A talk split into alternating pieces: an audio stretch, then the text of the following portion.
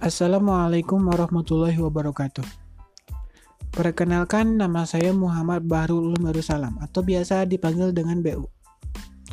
Pada episode pertama kali ini, saya akan membahas tentang apa itu literasi dan bagaimana urgensi literasi. Pertama-tama kita akan membahas apa itu literasi terlebih dahulu. Menurut Kirsch dan Jungle Blood dalam bukunya Literasi Profile of America's Young Adult mendefinisikan literasi sebagai kemampuan seseorang dalam menggunakan informasi untuk mengembangkan pengetahuan sehingga mendatangkan manfaat bagi masyarakat. Hal tersebut dapat menjadikan seseorang menjadi literat yang dibutuhkan bangsa agar Indonesia dapat bangkit dari keterpurukan, bahkan bersaing dengan bangsa lain. Sebagai bangsa yang besar, Indonesia harus mampu mengembangkan budaya literasi sebagai prasyarat kecakapan hidup abad ke-21 melalui pendidikan yang terintegrasi, mulai dari keluarga, sekolah, sampai dengan masyarakat. Penguasaan 6, 6 literasi dasar yang disepakati oleh World Economic Forum pada tahun 2015 menjadi sangat penting tidak hanya bagi peserta didik, tetapi juga bagi orang tua dan seluruh warga masyarakat. Enam literasi dasar tersebut mencakup literasi baca tulis, literasi numerasi, literasi sains, literasi digital, literasi finansial, dan literasi budaya dan kewargaan. Pintu masuk untuk mengembangkan budaya literasi bangsa adalah melalui penyediaan bahan bacaan dan peningkatan minat baca anak. Sebagai bagian penting dari penumbuhan budi pekerti, minat baca anak perlu dipupuk sejak usia dini mulai dari lingkungan keluarga. Dengan kemampuan membaca ini pula, literasi dasar berikutnya dapat ditumbuh kembangkan.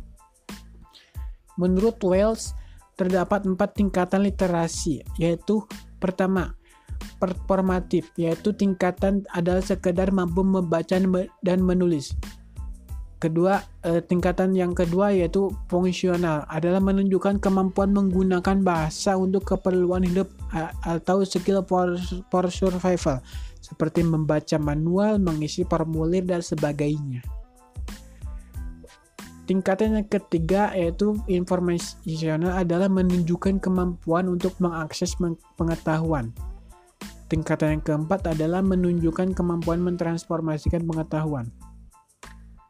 Lalu pentingnya literasi tidak hanya sekadar kemampuan membaca dan menulis, tetapi literasi bisa berarti melek teknologi, politik, berpikir kritis, dan peka terhadap lingkungan sekitar.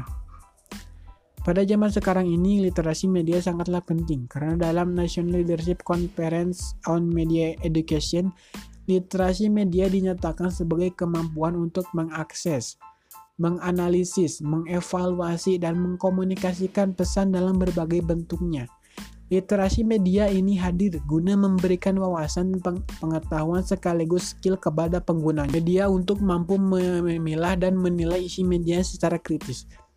Menurut Kendall, mahasiswa adalah kelompok yang terlihat lebih rentan terhadap ketergantungan pada internet dibandingkan kelompok masyarakat lainnya.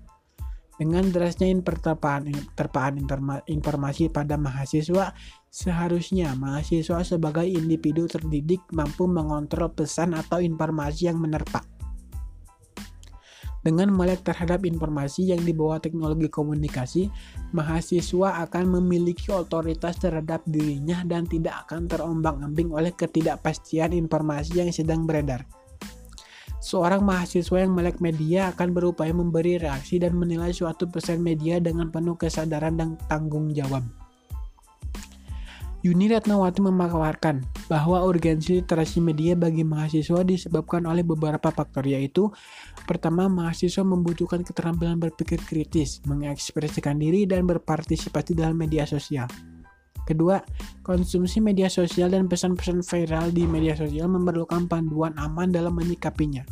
Tiga, media sosial dapat mempengaruhi cara mahasiswa mempersepsikan sesuatu, membentuk kepercayaan dan perilakunya.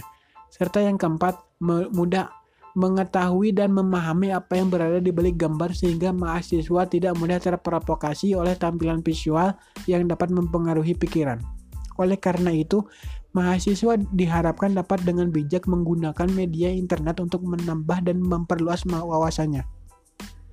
bukan sekedar media hiburan untuk mengakses game online dan hal lainnya.